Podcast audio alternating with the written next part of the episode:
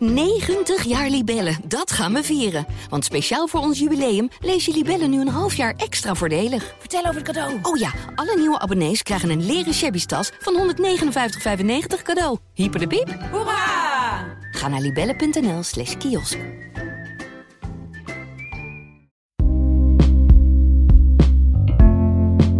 Hallo, mijn naam is Shaila Sital Singh en dit is de Volkskrant Elke Dag. En dat is de dagelijkse podcast van de Volkskrant, waarin we met de experts van de redactie spreken over wat er allemaal aan het veranderen is in de wereld. En vandaag doe ik dat met Ellen de Visser. Dag Ellen. Dag Shaila. Onze gezondheidsredacteur. Ja. Prijswinnend gezondheidsredacteur. daar gaat het nu niet over, toch? nee, daar gaat het niet over. Maar ik wil het toch even genoemd Ah, dat is hebben. lief, dankjewel. En met Maarten Keulemans. Dag Maarten. Hi Sheila. Hi. onze wetenschapsredacteur. Nou, in deze samenstelling gaan we het hebben over corona en dan met name één aspect daarvan, eh, post-covid-klachten of long-covid. Wat, wat is eigenlijk de officiële term? Nee, long mag niet meer, long covid. Nee? Nee. Geeft te veel verwarring met, met, met longen. Hè? Ja, long is natuurlijk lang, Ja, maar precies. mensen denken dan dat het alleen in je longen zit. En dat is nou juist het punt. Ja, het zit het niet alleen in je longen. Het is een long-covid, toch? Long Een covid. langdurige, ja, dus we zeggen officieel Post-covid zeggen we. post-covid. Ja. Het post-covid-syndroom heet het zo Ja, het is een syndroom dat zoveel verschillende klachten zijn. Ja. Dan heet het een syndroom. Ja, en er zijn nog heel veel Nederlanders die daarmee worstelen. Ja. Weten we iets over aantallen? Nee, dat is heel lastig. Dat is heel lastig. Er is, er is één heel goed onderzoek gedaan, toevallig Nederlands, Gronings onderzoek, waaruit blijkt dat één op de acht Nederlanders drie tot vijf maanden na een infectie nog een nieuwe klacht heeft. Maar ja, hebben ze die dan na zes maanden ook nog en na zeven maanden. Dus eh, hoe groot het aantal nu is. Bij C-Support, de stichting die patiënten ondersteunt, zijn nu 22.000 mensen aangesloten. Maar ja, zijn Dat dat, ze allemaal? Dat Zijn mensen daarvan die- mensen al die zijn opgeknapt? Schrijven die zich dan uit? Ja, geen idee. Dus dat weten Het zijn er veel. Het zijn er gewoon veel. En kunnen we het omschrijven, het post-covid-syndroom? Wat, wat is het? Ja, simpel gezegd zijn het eigenlijk alle klachten die overblijven als het virus eh, is overgewaaid. En dat is van zijn dat? alles. Dat kan extreme vermoeidheid, hartklachten, hersenmist. Mensen eh, hebben last van geheugen- en concentratieproblemen. Pijnlijke spieren, reuk- en smaakverlies. Nou ja, en zo zijn er dan nog eh, 190. Extreme vermoeidheid hoor ik heel veel. ja, ik heb voor, voor de Volkskrant de afgelopen jaren veel patiënten gesproken. In het extreemste geval zijn het patiënten die in een donkere kamer liggen. eh, Niet tegen prikkels kunnen. En die gewoon eigenlijk bij helemaal uitge, uitgeteld zijn. En ook jonge mensen. Hè? Dat is dus, dan hebben, die hebben een hele lage kwaliteit van leven. Ja, ik, ik heb ook wel gesproken met een, een, een arts in opleiding. Die gewoon zijn opleiding heeft moeten stoppen. Of artsen, die hè, zijn veel zorgverleners uit de eerste golf. Die nu gewoon thuis zitten. En dat is maar een paar procent van de mensen die dan echt eh, eh, restklachten houden Ja. van, van corona. Ja, de, het gros de, de, knapt gewone post-covid-syndroom. Ik maak daar het gebaar, gebaar van aanhalingstekens bij in de lucht. Het gewone post-covid-syndroom is eigenlijk gewoon een paar Ja, maanden. Paar dat je nog- ja, ja, nog dus we moeten niet. hebt. Natuurlijk, het, het, de meeste patiënten knappen uiteindelijk op. En soms zelfs ook nog na twee jaar. Ja, dus er kan De- de- progressie in absoluut, zitten. absoluut. Ja. En wat weten we nou over de oorzaak van die klachten? Wanneer krijg je, ben je bevattelijk voor het post-covid-syndroom, wanneer niet? Wat zit erachter? Is daar iets Nou ja. over bekend? Kijk, bij COVID zelf was er, Maarten, kijk je even naar jou. Na tien dagen was het genoom van het virus ontrafeld. Ja, en konden we, we, we, we, ze, Men. konden aan de slag met, oké, dat is het doelwit. Daar gaan we ons op richten. Dat, dat moet het vaccin aanpakken. Maar bij eh, post-COVID eh, zijn de bloedonderzoeken normaal en de scans zijn normaal. Dus als jij met je, met je uithoudingsklachten naar de longarts gaat, die zegt ik vind niks. Als je naar de cardioloog gaat met je hartkloppingen, die zegt ja, ik kan niks ontdekken.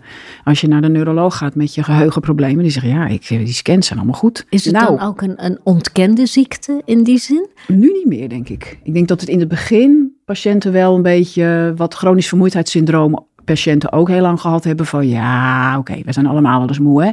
En het ligt ook, weet je, een griep kan natuurlijk ook heel lang naweeën hebben Eh, dus daar werd dat gezegd, denk ik. Ja. Van ja, nou, dat is normaal na een infectieziekte. Er zijn nu wel een paar onderzoeken die nu echt voor het eerst ook laten zien dat het wel echt meer is dan na gewoon een griep. Want dat was eigenlijk afhankelijk van ja, na elke virale infectie Ja. kun je restklachten houden. Ja, je bent altijd een beetje duurt altijd nog even voordat je helemaal bent Klopt. opgeknapt. Ja, maar ook hele erge restklachten. Dus inderdaad, ook bij griep heb je Ja. gewoon mensen die nog heel erg lang daarna nog heel erg ziek zijn. Artsen die verder hebben gekeken, echt wel de diepte in zijn gegaan, die ontdekken nu ook wel echt aparte dingen bij patiënten.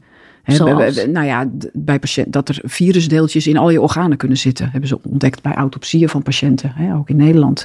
Gewoon dus het idee lang is, nadat je zo'n besmetting hebt ja, gehad. dus het idee is dat het mogelijkerwijs dat het virus in je lichaam blijft en dat je immuunsysteem maar blijft aanstaan. Dat zou een oorzaak kunnen zijn. En dat je daar zo moe van ja, wordt dat dan. je daar moe van wordt en klachten van krijgt. Mhm. Het zou ook kunnen dat er kleine bloedstolseltjes in je haarvaatjes zitten, Mhm. waardoor de, de, de bloed, de, de, de, ook de zuurstofvoorziening geblokkeerd is. Ook dat is gevonden in het bloed van patiënten. De mitochondriën, de energiecentrales van je cel, daar zou ook wat mis mee zijn. Je darmbioom, dus het evenwicht van bacteriën in je darm, dat zou ook aangetast kunnen zijn. Het virus kan ook het zenuwweefsel in je hersenen aantasten, waardoor Maar daar wel eens gebeurt. Dus met andere Allemaal woorden, heel verschillende Ja, dingen die dus zes, allemaal zeven kunnen leiden hypotheses. tot klachten. Ja. En, en dan is dus de vraag, wat is bij wie aan de hand? Ja. Dus vermoedelijk, zeggen deskundigen, moet post-covid misschien wel worden opgeknipt in subgroepen. De een heeft dit als oorzaak en de ander heeft dat. En nou is de vraag, ja, wie heeft wat? Ja, precies. En je zegt nu de hele, hele tijd, hyp- eh, zijn hypotheses, vermoedelijk, Ja. dus er moet nog heel veel onderzocht worden. Ja, Zijn daar de, de, de middelen en is daar de capaciteit voor om dat allemaal goed te onderzoeken? nee, tenminste, ja. Er er gebeurt wel onderzoek hoor. Ik heb eh, in de, in de databank gekeken van de, hè, de, de Clinical Trial Databank, Mhm. waar alle studies in staan. En als je dan naar klinische studies kijkt bij patiënten, vond ik er een paar honderd. Dat is natuurlijk nog niet zo heel erg veel. En waarom gebeurt dat niet op veel grotere schaal? Als dit zo'n groot, als, of als dit zo'n intens probleem is voor de mensen die het treft? Of, ze- of is Ja, het daar misschien nou ja, niet groot genoeg voor? het begint wel te Ik, komen. moet daar, ik, ik Ja. zou er wel ook wel bij willen aantekenen. Want vorige week was dat heel erg ook het nieuws van, van goh, er wordt geen onderzoek meer gedaan naar, naar post-covid-syndroom. Dat, is Dat was naar aanleiding van een aantal Ja. academische centra die, zeggen, Precies. die nu zeggen van ja, we nemen geen nieuwe post-covid-patiënten Ja, ja. meer aan. Of Ja. we schalen het een beetje terug. Ja, Ja. en dat is natuurlijk de situatie in, in Nederland. Dat er Mhm. gewoon minder geld voor Ja. is. Maar je moet niet vergeten dat er intussen internationaal ontzettend Zeker, veel onderzoek zeker. naar wordt gedaan. Nee, in dus gelukkig, het is niet zo dat die patiënten helemaal, eh, dat er helemaal geen onderzoek naar wordt gedaan. Die worden niet aan hun lot overgelaten. Nee, de Amerikaanse overheid heeft, dacht ik, anderhalf miljard beschikbaar gesteld voor onderzoek naar, naar post-covid. En ook de Britse overheid. Dus, dus er gebeurt heus wel wat. Ja. Het is, het is, we schetsen het net al, het is een hele ingewikkelde ziekte. Ja. Het is niet één ziekte, vermoedelijk. Waar, wat ga je dan onderzoeken? Hoe ga je dat doen? Hoe selecteer je patiënten? Dus je moet het helemaal hele opknippen. klus. Nou, als we dat nog niet eens weten, van eh, waar, Ja. waar komt het nou precies vandaan en waar ligt het precies aan, dan is de behandeling al helemaal een ingewikkeld proces, lijkt mij. Zijn er behandelmethodes? Het grappige is, er is een Facebookgroep met eh, patiënten met langdurige coronaklachten. En die hebben ook een subgroep succesverhalen. Mhm. Dus er gebeuren, mensen knappen nog steeds op. Ook ge- gewoon, tussen aanhalingstekens, door goed op te letten, eh, om op een energiehuishouding te letten. Eh, er zijn ergotherapeuten, begreep ik van patiënten die ik sprak, die, die vragen aan patiënten om een energieboekje bij te houden. Wat is en een dan, eh, energieboekje? En, nou, dat betekent eh, als je, geloof ik, even kijken, wat was het nou? Aankleden is drie punten. Douchen is twee punten. Slapen is min één punt. En, En dan wat mag je aan het eind van de dag. 50 punten hebben. Ja. En dus om door heel erg goed op te letten en je niet te snel te vermoeien, kun je ook nog opknappen, lees ik in die verhalen. Er wordt heel veel geshopt hè, in het bewijs. Ja, absoluut. Een, een vriendin, Ja. persoonlijke vriendin van mij, die heeft ook eh, nou ja, restklachten na COVID. Mhm. En die heeft bijvoorbeeld, ja, die heeft ook via internet. Het is gewoon een, een weet je wel, een, een, een sterk geschoold iemand. Dus Mhm. het is een hoogopgeleid iemand. En die heeft ook op internet een methode gevonden waarbij ze dan ja, af en toe eens moet gaan, gaan- een, eh, een eh, dutje moet gaan doen, een kwartier per dag. En dat, ja, zij, zij zweert erbij. Zij zegt van ja, dit helpt mij. Ja. Dus Nee, dat is dat het ingewikkelde. Hè? Nou ja, Maar ja, het dat is allemaal grijze gebied van werkt het of is het bewezen Dit of is niet. gewoon op individueel niveau. Ja. Ja, Waarvan je niet zeker weet of er nou een kausaal verband is tussen dat Precies. dutje doen en het opknappen. Want Ja. misschien Nee. zouden ze vanzelf tussen aanhalingstekens ook zijn opgeknapt.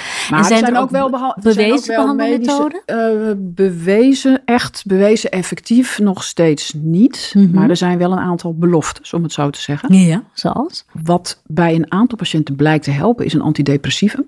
Wat bij ook best wel wat patiënten blijkt te helpen, is eh, eh, een behandeling in een hyperbare, eh, of noemen ze hyperbare zuurstof. Dan krijg je onder hoge druk, ga je 100% zuurstof inademen.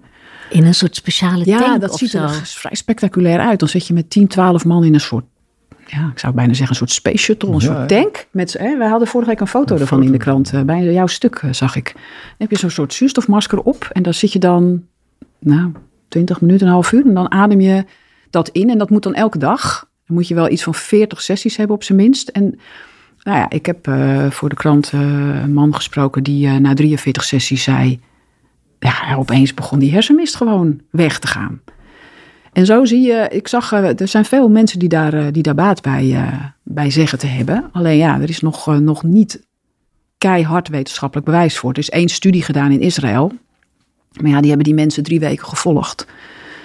Ja, dan weet je natuurlijk niet voldoende. Dus daar zou, daar zou echt wel meer onderzoek naar moeten plaatsvinden.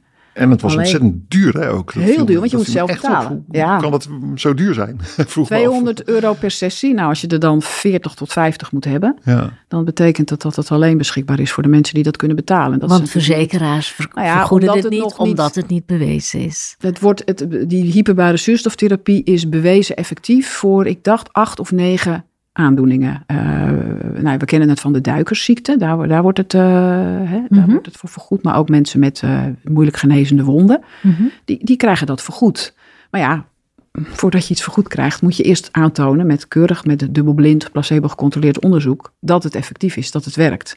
En dan is één onderzoek bij 36 Israëlische patiënten is dan niet genoeg. Dus je moet dat nog een keer doen bij een nog grotere groep. En tot die tijd betalen deze mensen die deze therapie wel ondergaan het dan maar zelf? Ja, er is één centrum in Goes dat heeft voor de eerste negen patiënten het zelf betaald. Dat waren allemaal zorgmedewerkers. Mhm. En uh, ja, zij zeggen dat het bij die mensen geweldig heeft geholpen. En zijn ziekenhuizen of, of andere werkgevers van zorgverlenend personeel, voelen die zich niet uh, verantwoordelijk om te zeggen, nou, we hebben ons personeel die, nou ja, die, dat, dat gebied ingestuurd. In het begin nog redelijk slecht beschermd en met heel weinig kennis van wat we precies gingen tegenkomen komen.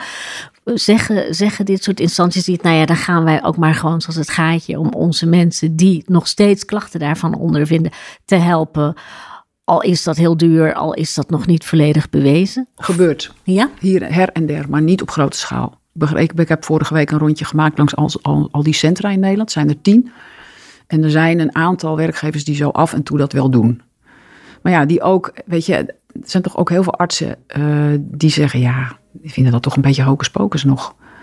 En die zeggen, ja, ja, weet je, het is niet bewezen, wat, wat gaan we doen? Uh, weet je, als mensen er zelf geld voor betalen, ja, dat klinkt heel lullig, maar dat kan ook maken dat het effect misschien voor je gevoel groter is dan dat het werkelijk is. Waarmee ik dus niet wil zeggen dat het niet helpt, want ik heb echt genoeg mensen gesproken en erover gelezen die zeggen, jeetje Mina, ik kan gewoon weer aan het werk. Ik kan mhm. gewoon weer naar een druk zwembad met mijn kinderen. Het werkt gewoon. Mhm. Maar je moet daar wel natuurlijk een klein beetje voorzichtig mee zijn. Dus als je het onderzoekt, moet je dat niet doen in de centra waar de mensen er geld voor betalen. Er is één hyperbare kamer in Nederland. Die staat in het, tegenwoordig heet dat Amsterdam UMC, locatie AMC. Uh, dan moet je dat gewoon ook echt goed uitzoeken. En de hoogleraar, er is één hoogleraar hyperbare geneeskunde in Nederland. En die, die sprak ik en die zei nou, met anderhalf miljoen kom ik een heel eind. Ja, heeft hij die anderhalf miljoen? Nee, die heeft hij niet. en zijn ziekenhuis heeft dat ook niet. Dan denk ik, ja, als je nou leest dat zoveel mensen hierbij baat bij hebben. Hè, en er is al één Israëlisch onderzoek dat toch aantoont dat, de, dat, het, dat het bij mensen iets kan doen. Ga aan de slag.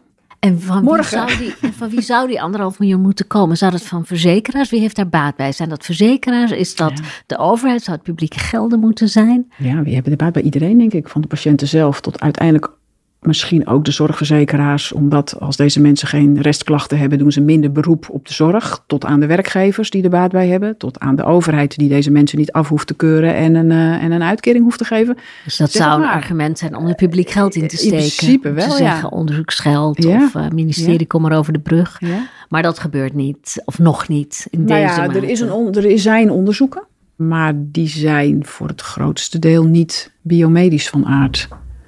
En er is een Kamermeerderheid, er is een motie aangenomen en er is bij het ministerie aangedrongen op meer onderzoek. Ik vind het allemaal heel langzaam gaan. Ja, een van de complicaties natuurlijk ook als, als post-COVID-syndroom echt eigenlijk niet één syndroom is, maar meerdere syndromen. Dan kan je Wat? hebben dat er gewoon verschillende dingen helpen tegen verschillende ja, precies. Dan vormen is die, van de van Deze, die hyperbare therapie, ja, is, is dan van de één deel van de patiënten. En, en voor, anderen werken die antidepressiva misschien weer. Ja, en dan heb je ook nog, uh, sommige mensen knappen op na vaccinatie of na een nieuwe corona-infectie. Ja, is ook dat interessant. is heel intrigerend. Ik sprak vorige week uh, ook met een, met, een, met een vrouw van wie uh, die zei van ja, het ging heel slecht. En toen kreeg ik opnieuw corona. Toen dacht ik, oh mijn god, daar gaan we weer. En toen, na een paar dagen. En het was net in Sinterklaastijd, dus ze zei, ik werd elke ochtend wakker. En ik dacht, nou, wat zit er nou weer in mijn schoen? Weer een klacht weg. Echt geweldig. Ja.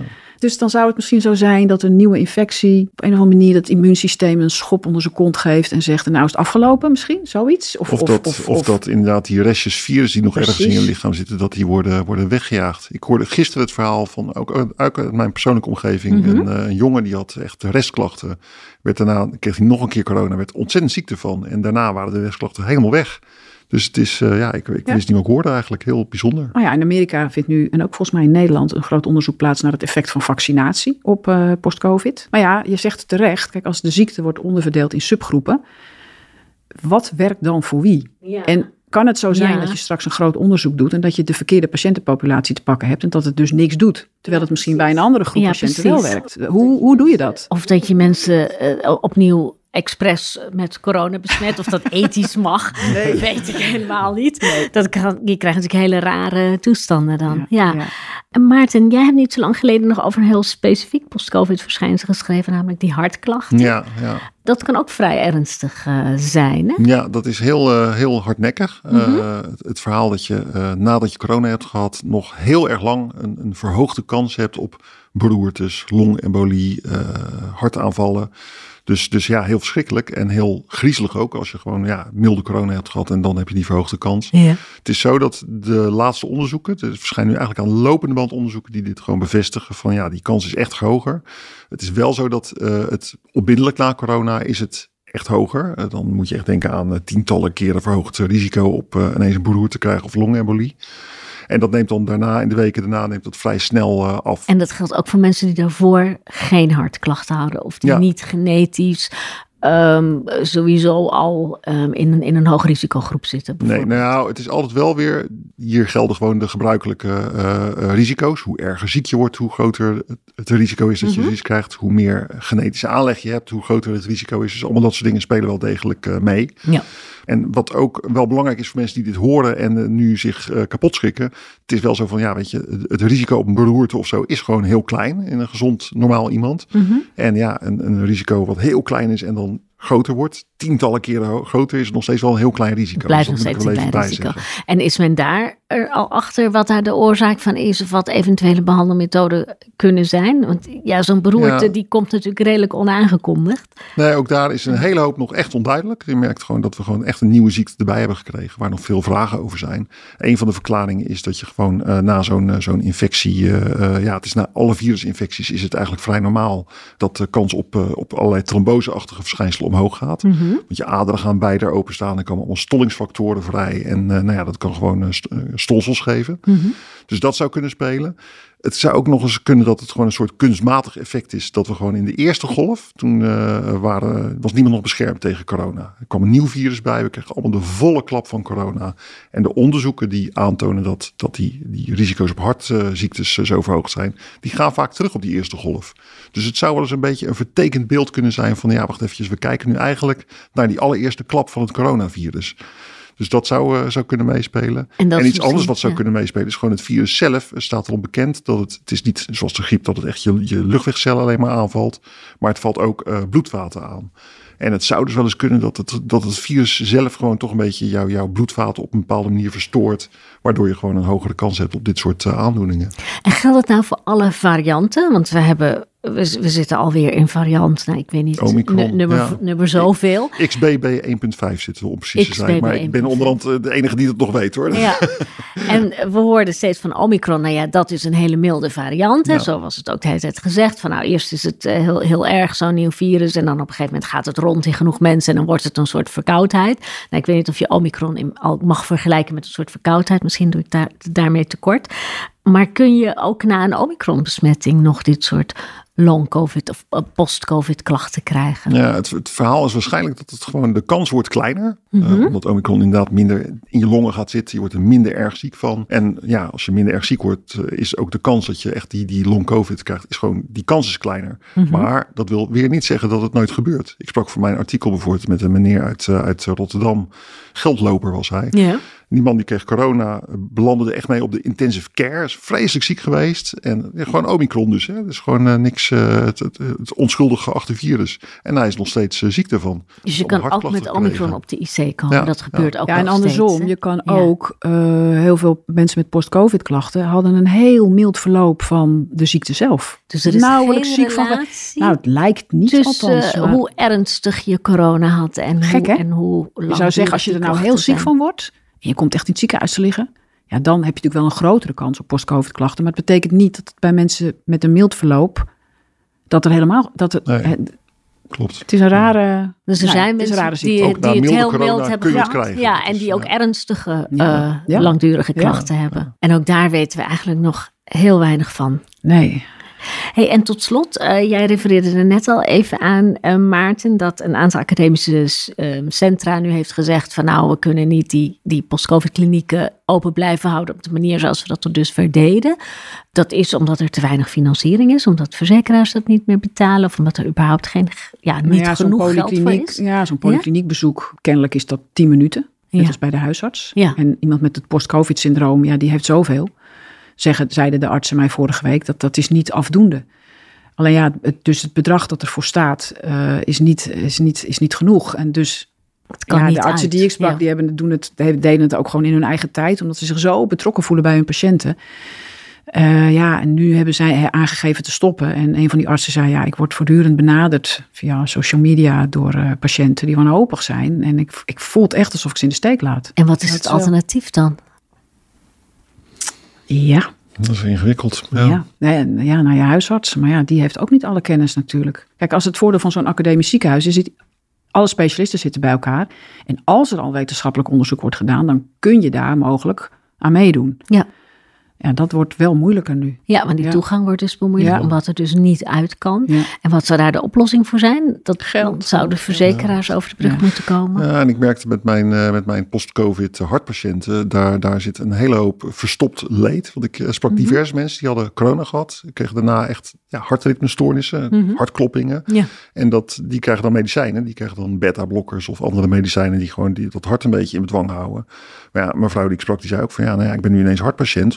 Eh, terwijl ik nog maar eh, net in de 30 ben. En eh, ja, wat, wat moet je ermee? Dat is, eh, maar dat zijn dus mensen die niet meer elke dag naar het ziekenhuis komen. Dus dat is, dat is een soort verstopt reservoir van patiënten wat we erbij hebben Nou gekregen. ja, wat Maarten terecht zegt, dat is dan een vrouw van 30. Kijk, we hadden met, we, ik zeg steeds we, maar het is natuurlijk ze, hebben met verenigde krachten binnen een jaar een vaccin ontwikkeld. Dat is echt, dat is echt ongelooflijk knap. Ja. Die snelheid en die verenigde krachten zouden er nu ook voor dit post-covid-syndroom moeten zijn. Want het gaat vaak om jonge mensen. Ik sprak een orthopedagoog van 38, ja, die is gewoon afgekeurd nu. Die, die had nog gewoon eh, nog 30 werkzame jaren voor zich. En die kan niks meer. Dat is economisch en ook sociaal heeft dat zo'n enorme impact. Ja, dat zijn Eh, heel we staan nog maar aan het begin, denk ik. Van die levensjaren. golf. Absoluut. En, en, en veel mensen in de zorg die we zo hard nodig hebben. Veel docenten ook, die we zo hard nodig hebben. Die nu allemaal thuis zitten. Die minder kunnen werken of helemaal niet meer kunnen werken. Ja, als, je daar, als je daar eens over nadenkt. Er zijn in het buitenland berekeningen gemaakt over hoeveel miljarden schade dat oplevert. Ja, dat is niet misselijk. Ja, en je zegt zou moeten, die verenigde krachten, maar die zie je dus niet of niet genoeg. Ehm, nou ja, weet je, heel veel, er zijn toch wel heel veel betrokken artsen hoor, die echt heel hard de kar trekken. Maar ja, er is toch meer voor nodig dan alleen maar de, de inzet van, eh, van, van artsen en wetenschappers. Er is ook echt geld voor nodig. Het doet me echt een beetje denken aan de, de Q-koorts-affaire. Ja. Eh, het, is, het is, weet je wel, er is een ziekte die waart rond. Het is niet goed zichtbaar, het is niet goed aan te wijzen. Heel veel patiënten, heel veel leed. En op een gegeven moment gaat dat gisten en borrelen. En ik denk dat we hier nog wel een flinke rel over gaan krijgen een keertje, Ellen. Denk, wat denk jij daarvan? Vorig jaar al is aangekondigd dat er een expertisecentrum of expertisecentra zouden komen. Eh, waar je alle kennis bundelt, waar je artsen bij elkaar zet, wetenschappers, waar je onderzoek gaat, gaat opzetten. Maar ja, Hm. ik zie het nog niet gebeuren. Nee. de artsen die ik er vorige week over sprak, zeiden: joh, dat loopt zo stroef. Dat is echt niet volgende week geregeld. En dan denk ik, ja, maar ja, wanneer dan wel? Nou, mooie oproep aan de politiek, aan iedereen, aan verzekeraars, aan ziekenhuizen. Kom op mensen. Niet, de, niet de laatste keer dat we hierover praten, denk ik. Nee, Sheila. absoluut niet. Dank jullie wel. Dank je wel Maarten en dank je wel Ellen. Graag gedaan. En u luisteraar, weer heel veel dank voor het luisteren. Dit was de Volkskrant Elke Dag. Morgen is er weer een nieuwe. Tot dan. 90 jaar Libellen, dat gaan we vieren. Want speciaal voor ons jubileum lees je Libellen nu een half jaar extra voordelig. Vertel over het cadeau. Oh ja, alle nieuwe abonnees krijgen een leren shabby tas van 159,95 cadeau. Hyper de piep. Hoera! Ga naar libellen.nl slash kiosk.